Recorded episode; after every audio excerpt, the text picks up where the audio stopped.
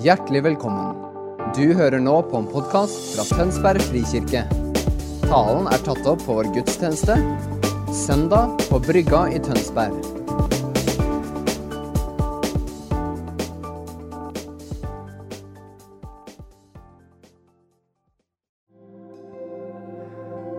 Takk, Herre, at du lar ditt lys skinne i våre hjerter. Takk, Herre, at i akkurat dette øyeblikket så lyser du opp i noens mørke. Og du som kjenner at det mørket lyser opp nå, hold fast i det lyset. For det er mer sant enn det mørket du har erfart fra før. Hold sant i det lyset. For det lyset vil ta deg helt ut i frihet. Helt ut i frihet. Hold fast i det lyset. Han er veien og sannheten og livet. Mørket kommer ikke annet enn med løgn og med fangenskap og det som er usant. Gi slipp på mørket og hold fast i det lyset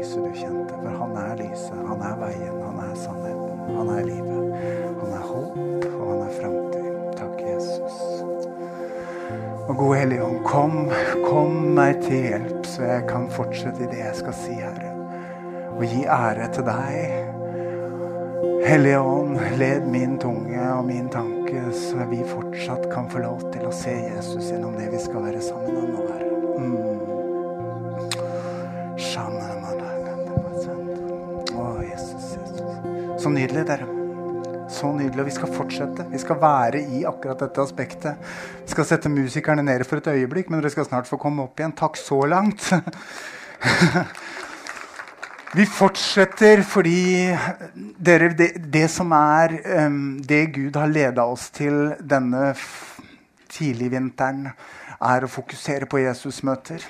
Og dette var et Jesusmøte, er et Jesusmøte og skal fortsette å være et Jesusmøte. Og det er på en måte nesten meningsløst når vi står i et Jesusmøte og så liksom ta av for å fortelle om et Jesusmøte. Men, men, men jeg tror det gir mening allikevel. Og det jeg skal forkynne om i dag, handler om Jesus eh, som er tempelet. Og da trenger vi litt kontekst, dere. Fordi Jesus som tempelet, hva vil det si? Tempelet er en bærende metafor eller en virkelighet gjennom hele Guds ord. Dere, Guds nærvær er ikke noe du og jeg trenger å kjempe for å komme inn i. Guds nærvær med sitt folk er Guds vilje. Like fra første blad i Bibelen Gud skapte mennesket, og når han var ferdig med hele prosjektet, hva gjør han på den syvende dagen? Når mann og kvinne er skapt, så hviler, dveler, er Gud med sin skapning. Gud vil fellesskap med oss. Neste skapelsesberetning, der starter det på nytt igjen. liksom, Men der får vi et annet aspekt, og der plantes det en hage med tre i midten, og det kalles Eden. Eden som på engelsk betyr 'delight', eller som på norsk betyr 'fylde av glede'. Der satte han oss sammen med seg. I fylden av glede, i sitt nærvær. Det var planen. Og så veit vi åssen det gikk, og det ble ikke helt som planlagt. I fall ikke, ja, dere vet. Men allikevel så fortsetter Gud å si, 'Ja, men jeg vil'. Når vi av og til kjenner lengsel etter Gud, ja, så er det bare vårt gjensvar fordi at han i lengsel har innhenta oss og skapt den lengselen i våre hjerter. Gud vil oss, både på vår vrange dag og på vår gode dag. Og Når vi står i tilbedelse sånn som nå, så fryder han seg. Men tro meg, hver gang vi vender ansiktet mot han, så fryder han seg like mye. Og Dette handler ikke om følelser og det handler ikke om at vi skaper en stemning når vi er mange nok. Det handler om at vi kobler på vårt design.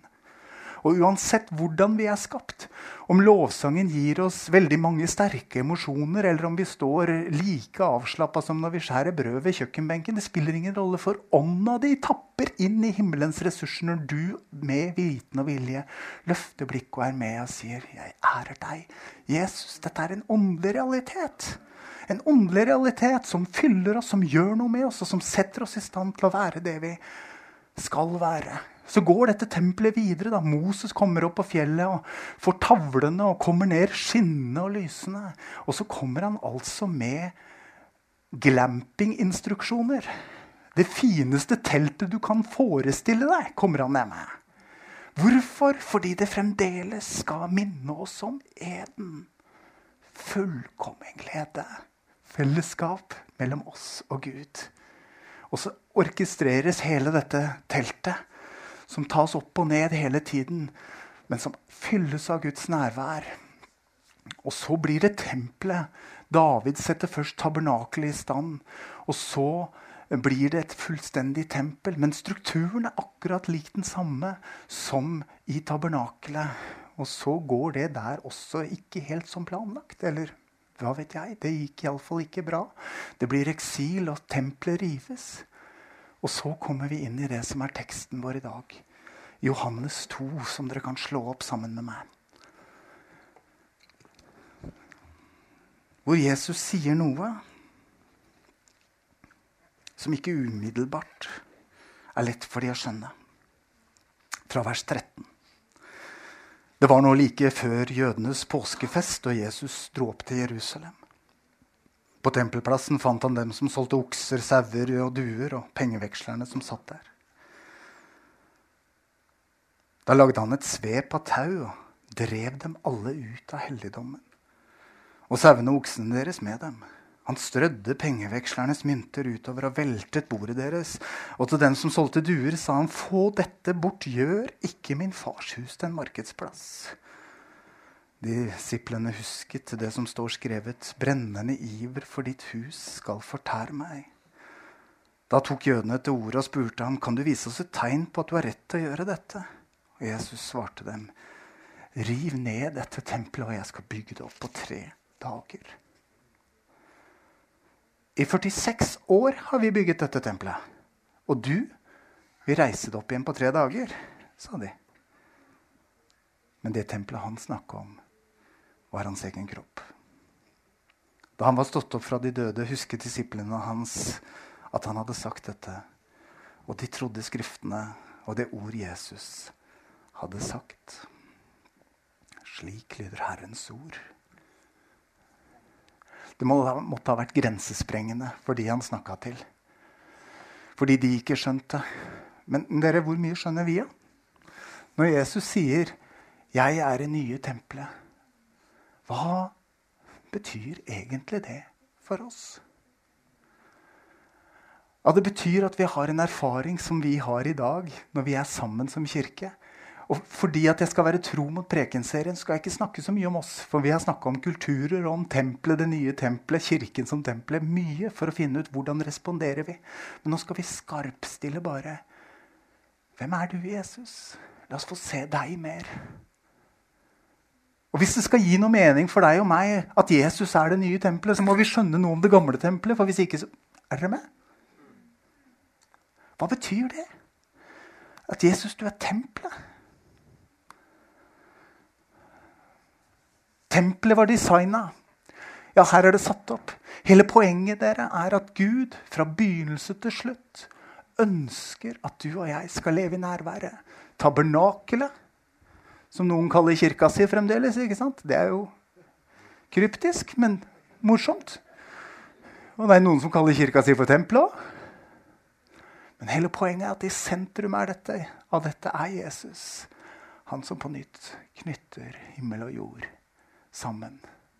Fordi det er Guds intensjon. Dere, Det er ikke et spørsmål om du og jeg lever i Guds nærvær. Spørsmålet er bare hvor mye av det vi fanger inn. Vi er der hele tiden. Spørsmålet er bare har du fått dog på lykta di. Eller har du fått sot på lykta di? Kanskje det til og med har blitt sota lenge. Fyra mye uten å rense. Det har blitt mørkt. Guds nærvær er like reelt. Det er bare din evne til å fange det inn som kanskje har gjort noe. Kanskje livet har gjort at det har blitt sånn. Dog eller sot. Men Gud er mektig til å rense det. Og saken er at enten du ser det eller ikke, så er han like nær deg. Og det fins ikke en dag, et øyeblikk, et sekund, en opplevelse hvor han har vært borte fra deg og meg. Vi kan kjenne det sånn. Men følelsene snakker ikke alltid sant. Han er der. Og det er mer sant enn følelsen. Og Nå hørte vi hvordan Jesus møtte noen av dere som kanskje er akkurat der, som kom inn med håpløshet. Og nettopp strekker ut hånda og sier 'Jeg er her'. Uansett hvor du er. Og når Jesus sier noe om at han er tempelet, så handler det om at dette tempelet forteller oss noe veldig grunnleggende viktig om vårt liv med Gud. Og når han er det nye tempelet, så er det ikke noe som er viska ut.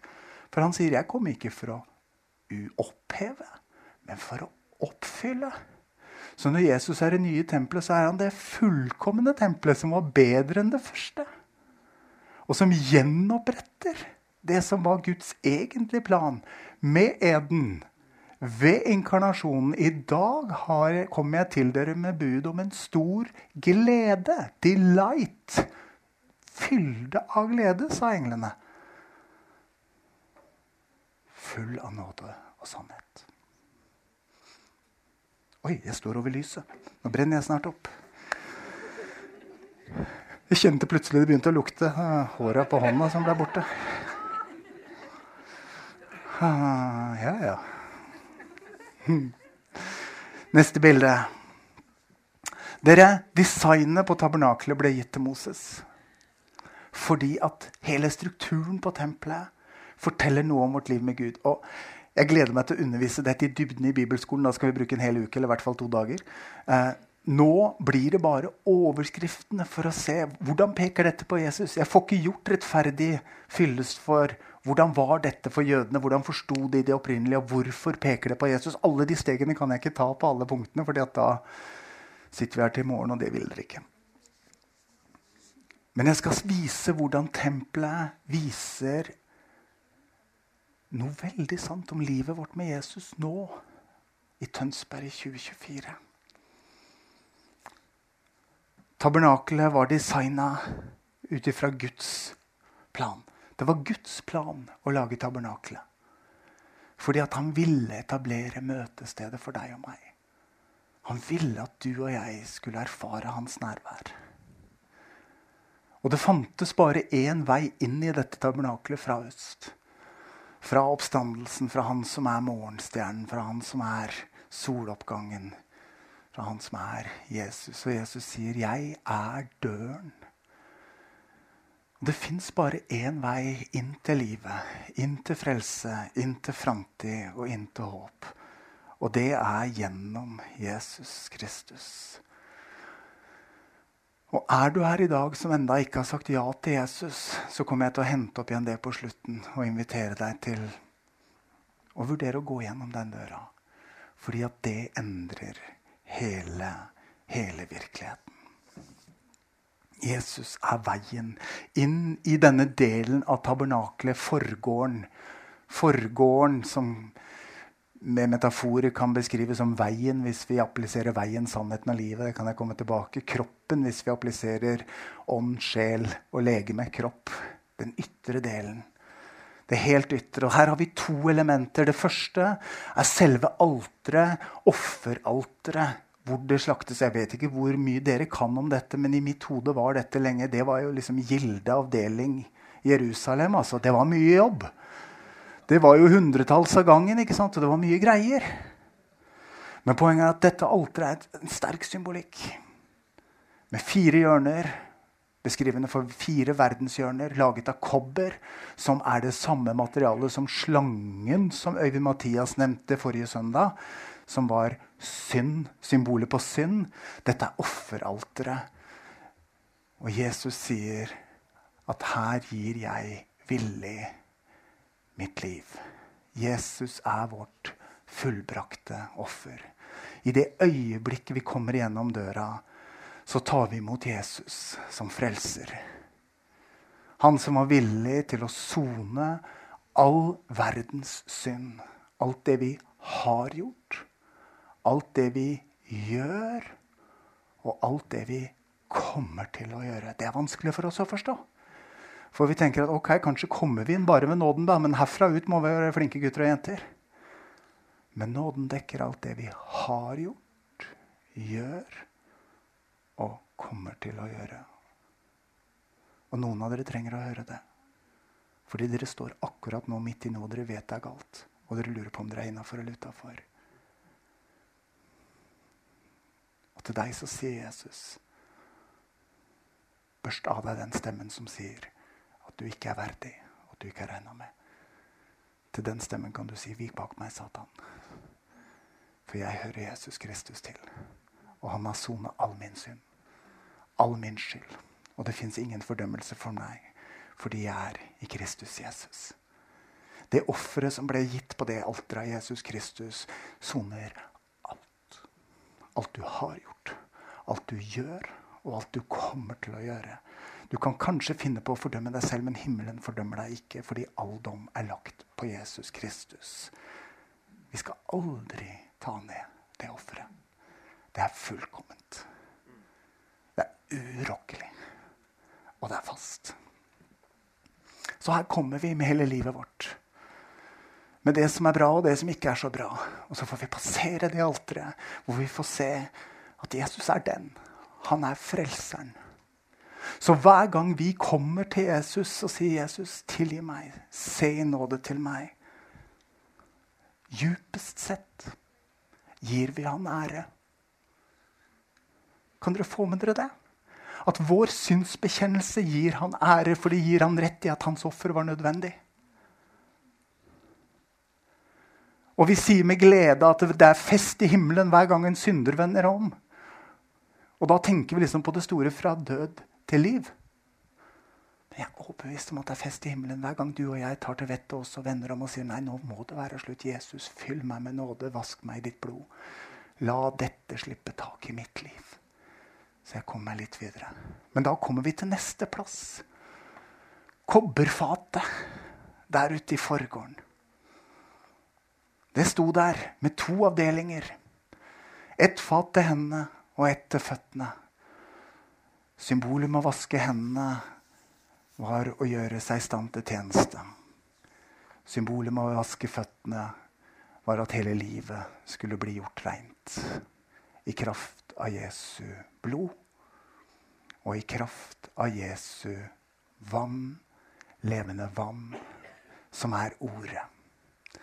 Kobberfatet dere var laget Bronsefatet, mener jeg, var laget av den beste legeringa mellom kobber og tinn.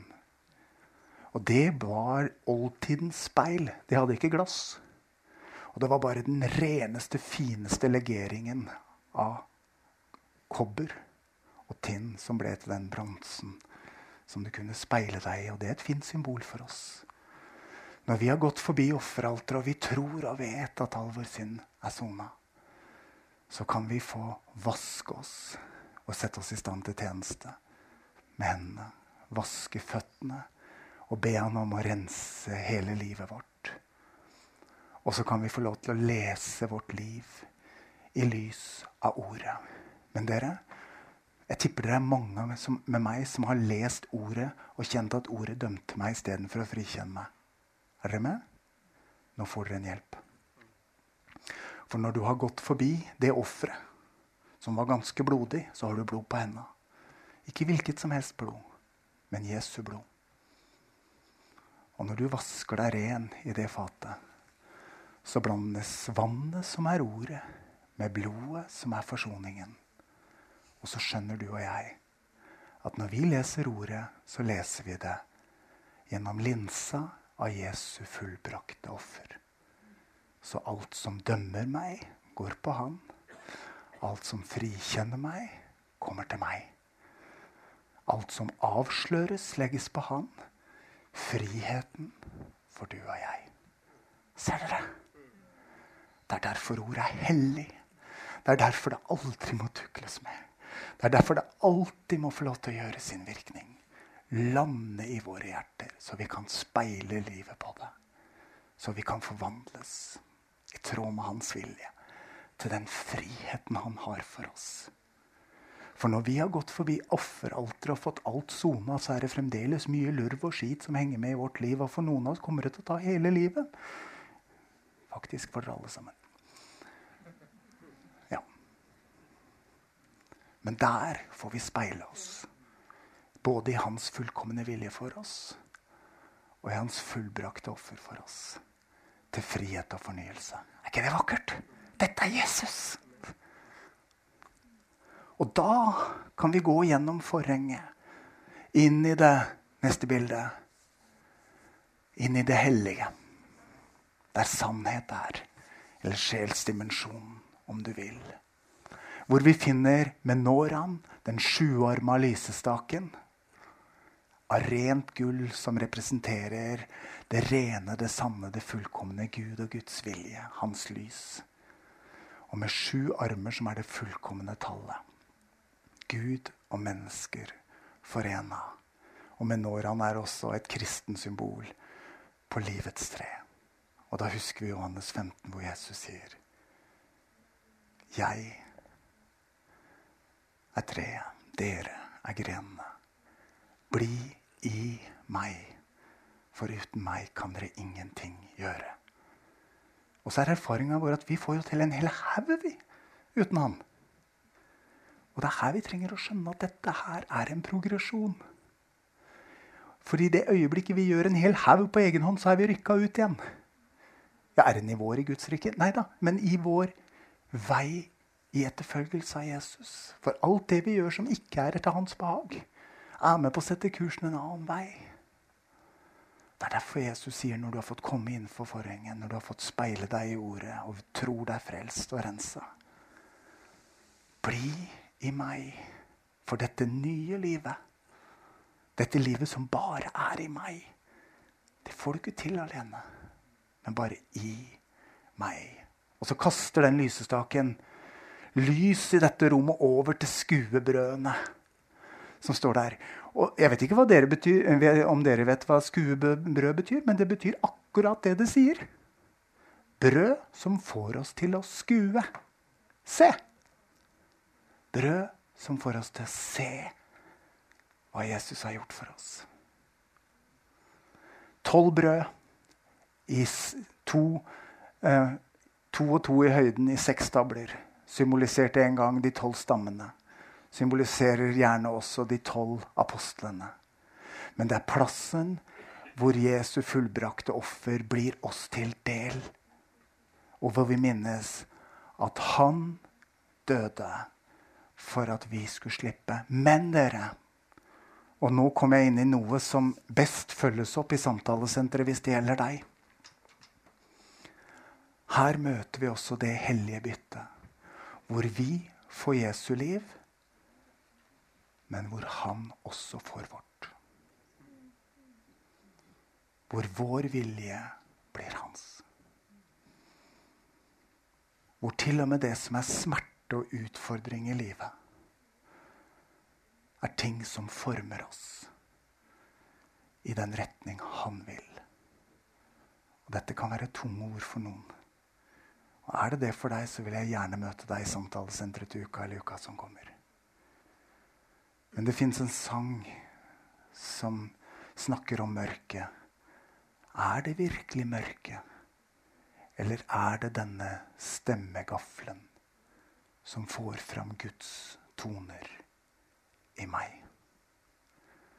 Noen ganger blir vår teologi for enkel, så den ligner herlighetsteologi, som alt som er godt, er av Gud, og alt som er vondt, er det motsatte. Det blir for enkelt, dere. Hvis du har det vondt, Jesus er der i din smerte. Han er der med de av våre søsken som lider martyrdøden uke etter uke. Er dere med? Hvis vår lykke er beviset på Guds nærvær, så er vår tro for enkel. Kan dere være med meg? Og om det utfordrer deg, så ber jeg deg ta med dette inn i bønn og utvid dette rommet. Der ved skuebøralteret så sier Jesus, 'Jeg er der'. I din glede og i ditt gjennombrudd og i din seier. Og det er noe, dere, som vi bare og Dette er et sitat jeg har fra en høvding, men uh, nå bruker jeg det. Det er så viktig å ikke være plagiatør om dagen, så jeg får vel si at jeg henta det et sted. Det er noen ting vi kan gi Gud bare på denne siden av evigheten. Og det er tilbedelse i smerte. På den andre siden så er tilbedelsen bare ut av fullkommenhet og glede. Men hvis vi ved Den hellige ånds hjelp kan stå med sannhet og erkjenne det som er utfordrende, og si 'Men jeg priser deg, for du er min Gud', så gir vi han en perle som vi bare kan gi på denne siden. Ved skuebrødene minnes vi om at Jesus er det brødet som kom ned for å gi verden liv. Men han inviterer også deg og meg til å gi vårt liv. For at han kan forme sin vilje i oss. Og for at vår egen vilje dør bort, og hans vilje får te fram i oss. Noen ganger gjennom gjennombrudd og seier. Andre ganger gjennom smerte. For at vi så kommer fram til røkelsesalteret. Hvor Paulus sier til tesalonikerne Be uavlatelig, sa de gamle. Be hele tida. Be uten stans. Røkelsesalteret er alle bønnene som hele tiden stiger opp. Fra deg og meg til Gud. Men det vakre er når du og jeg blir sliten og ikke ber, for det er jo ingen av oss som klarer det der uavlatelig, så går både Jesus og Den hellige ånd i forbønn for oss. Derfor så ryker det alltid på forbønnsalteret i våre liv. For når du og jeg stopper, så trer Ånden og Sønnen inn. Sånn at vårt liv alltid er løfta fram for pappa Guds ansikt. Det er derfor det er sant at ingen av oss er glemt. Ingen av oss er borte. Fordi vi konstant og uendelig løftes fram for hans ansikt. Det er ikke nydelig? For en Gud vi har. Og derfra kan vi passere portene inn i det aller helligste.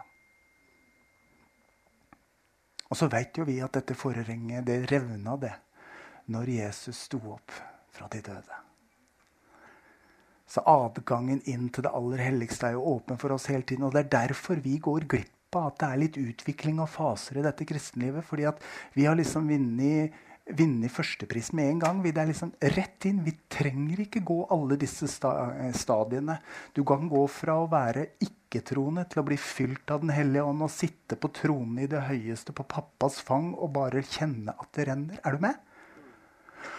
Og fordi at noen har fått den starten på kristenlivet, mens andre av oss vi har nå blitt liksom, vokst langsomt opp da, som en spire opp til en blomst av noe slag. Uh, det er forskjellig, men fordi det er virkeligheten. Og at det faktisk også er sånn at jeg kan stå i ting som er vanskelig, som har med synd å gjøre, og likevel kan jeg ha adgang til det aller helligste i tilbedelse og bønn. Samtidig det, det der skjønte jødene. Det tulla ikke de med. For hvis de gikk urene litt for langt inn, så gikk det galt. Gjør ikke det for oss, fordi vi er dekka av lammets blod. Men fasene i livet vårt, i å dø for oss selv og leve med Han, i å la Han forme vårt liv inntil det som er Hans vilje med vårt liv De fasene er der, og tempelet lærer oss noe om det. Er dere med? Så dere kan plukke opp. 'Å ja, det der har ikke jeg vært så mye i Jesus.' 'Det der har ikke vi snakka så mye om. Kanskje jeg skal dukke litt mer inn der.' 'Kanskje jeg skal campe litt ved skuebrødene de neste dagene.' Eller kanskje må jeg ja, stå litt ved kobberfatet, eller Det er derfor jeg underviser dette til dere. For Jesus har et forhold. Og han er så uendelig mye større enn det du og jeg har klart å fange inn til nå. Men idet vi går inn i det aller helligste, neste bilde, ja, så kommer vi til livet. Der hvor ånd tar imot. Fordi Jesus sier i Johannes evangeliet at det han vil ha, er sanne tilbedere i ånd og sannhet. Og Der inne finner vi paktsarken. Og oppi paktsarken så ligger det tre ting. Der ligger de ti bud. Det vet vi alle sammen. Og Jesus sier, 'Jeg har ikke kommet for å oppheve, men for å oppfylle loven'. Og vi kan komme inn i det aller helligste med retta, løfta hode fordi at Jesus er oppfyllelsen av hvert et bud på de tavlene. Men det ligger noe mer der. Det ligger også mannabrød oppi arken. For å minne oss om der i det aller helligste at Gud er vår forsørger.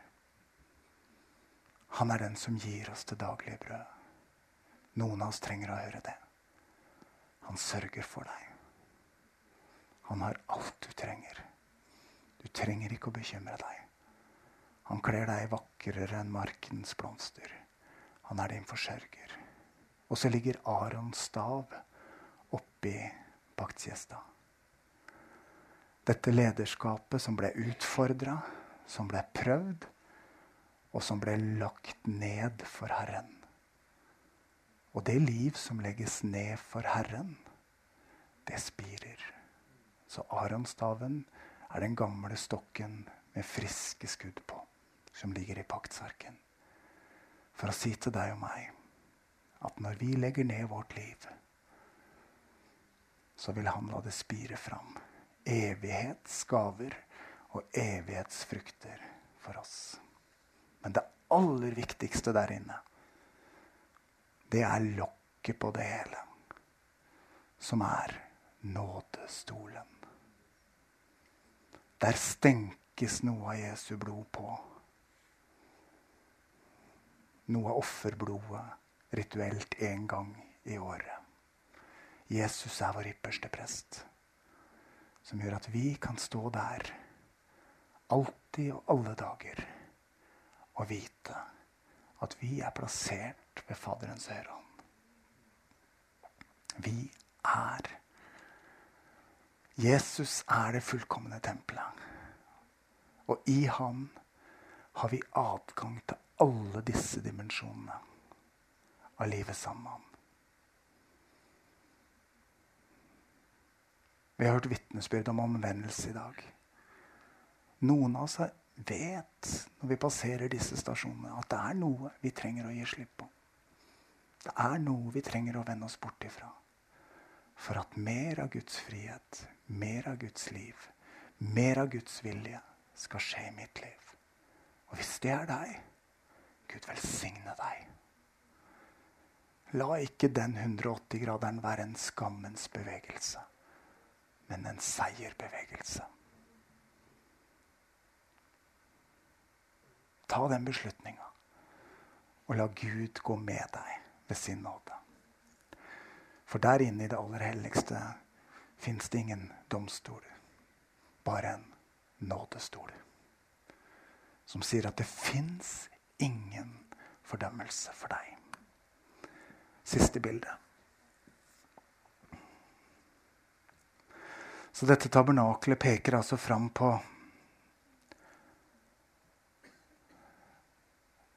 Jesus. Så når Jesus sier 'Jeg skal rive ned. Dette tempelet kan rives ned. Men jeg skal reise det opp', så er det ved sin oppstandelse at alt det vi nå har sett at tabernakelet viste fram imot, blir virkelig. Og det er vår virkelighet. Derfor, når vi sier i Tønsberg frikirke at vi ønsker å se mer av Guds rike, og vi ønsker å være en landingsplass for Hans ånd, ja, så er det jo bare Det er jo en bekjennelse å si det samme som homologeo. For Gud har sagt det først. Jeg vil bo i mitt folk. Jeg vil være i dere med mitt skapende nærvære. Så hvis dere vil ta imot La mitt ord rense dere. La mitt liv fornye dere. La det salige byttet skje, så mine bønner blandes med dine bønner. Sånn at du og jeg, han og vi, blir ett. Så lander vi der bare Paulus kan oppsummere alt det jeg har snakka om nå, dere. Så lander vi der at vi sammen kan be. Derfor bøyer jeg mine knær for Far. Han som har gitt navn til alt som kalles Far i himmel og på jord. Må Han som er så rik på herlighet, gi deres indre menneske kraft og styrke ved sin ånd. Må Kristus ved troen bo i deres hjerter, og dere stå rotfesta og grunnfesta i kjærlighet. Må dere sammen med alle de hellige bli i stand til å fatte bredden og lengden, høyden og dybden, ja, kjenne, ja da, kjenne, erfare, gjennomtrengende vite Kristi kjærlighet, som overgår all kunnskap. Må dere bli fylt av hele Guds fylde, for Han som virker i oss med sin kraft, kan gjøre uendelig mye mer enn det vi ber om og forstår. Han være ære i Kirken og i Kristus Jesus gjennom alle slekter og evigheter. Amen. Hvis lovsangstimen kan komme opp. Så har jeg lyst til Hvis du enten følger oss på Frikirken TV, eller hvis du er her, men ikke har sagt ja til Jesus i ditt hjerte, skal vi gjøre det veldig enkelt for deg. Nå skal vi be frelsesbønnen sammen som en respons. Og noen av oss ber den for n-te gang fordi vi har vært salig frelst i mange år. Men er du her som ber den for første gang, så er det fest i himmelen. Og ikke så rent lite fest her heller, hvis du kommer og forteller oss det. Jesus, takk for din nåde og kjærlighet. Takk for at du ga ditt liv for min skyld. Kom inn i mitt hjerte. Jeg gir deg mitt liv. Tilgi meg min synd. Frels meg og forny meg. Jeg vil ha deg som frelser og Herre. Takk, Jesus, for at din nåde er ny hver dag. Amen.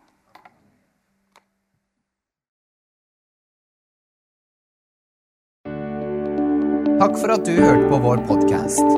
Har du spørsmål eller ønsker du å vite mer?